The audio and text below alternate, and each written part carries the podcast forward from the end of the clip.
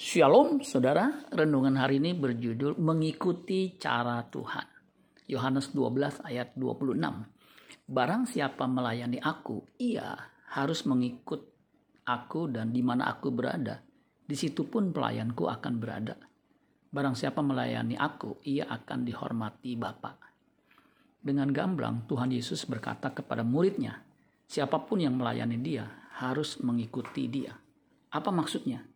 Apa pun bentuk pelayanan kita, kita harus mengikuti cara Yesus melayani Bapaknya. Yohanes 14 ayat 31. Tetapi supaya dunia tahu bahwa aku mengasihi Bapa dan bahwa aku melakukan segala sesuatu seperti yang diperintahkan Bapa kepadaku. Bangunlah, marilah kita pergi dari sini.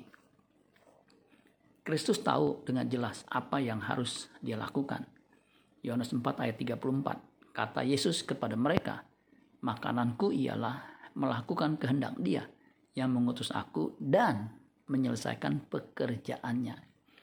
Untuk bisa mengerti dengan tepat apa yang harus kita lakukan, kita harus mengalami perubahan budi. Roma 12 ayat 2. Janganlah kamu menjadi serupa dengan dunia ini, tetapi berubahlah oleh pembaharuan budimu sehingga kamu dapat membedakan manakah kehendak Allah, apa yang baik, yang berkenan kepada Allah, dan yang sempurna. Orang Kristen sejati yang melakukan pekerjaan Allah pada dasarnya menghancurkan pekerjaan iblis. 1 Yohanes 3 ayat 8. Barang siapa yang telah yang tetap berbuat dosa berasal dari iblis. Sebab iblis berbuat dosa dari mulanya. Untuk inilah anak Allah menyatakan dirinya, yaitu supaya ia membinasakan perbuatan-perbuatan iblis itu.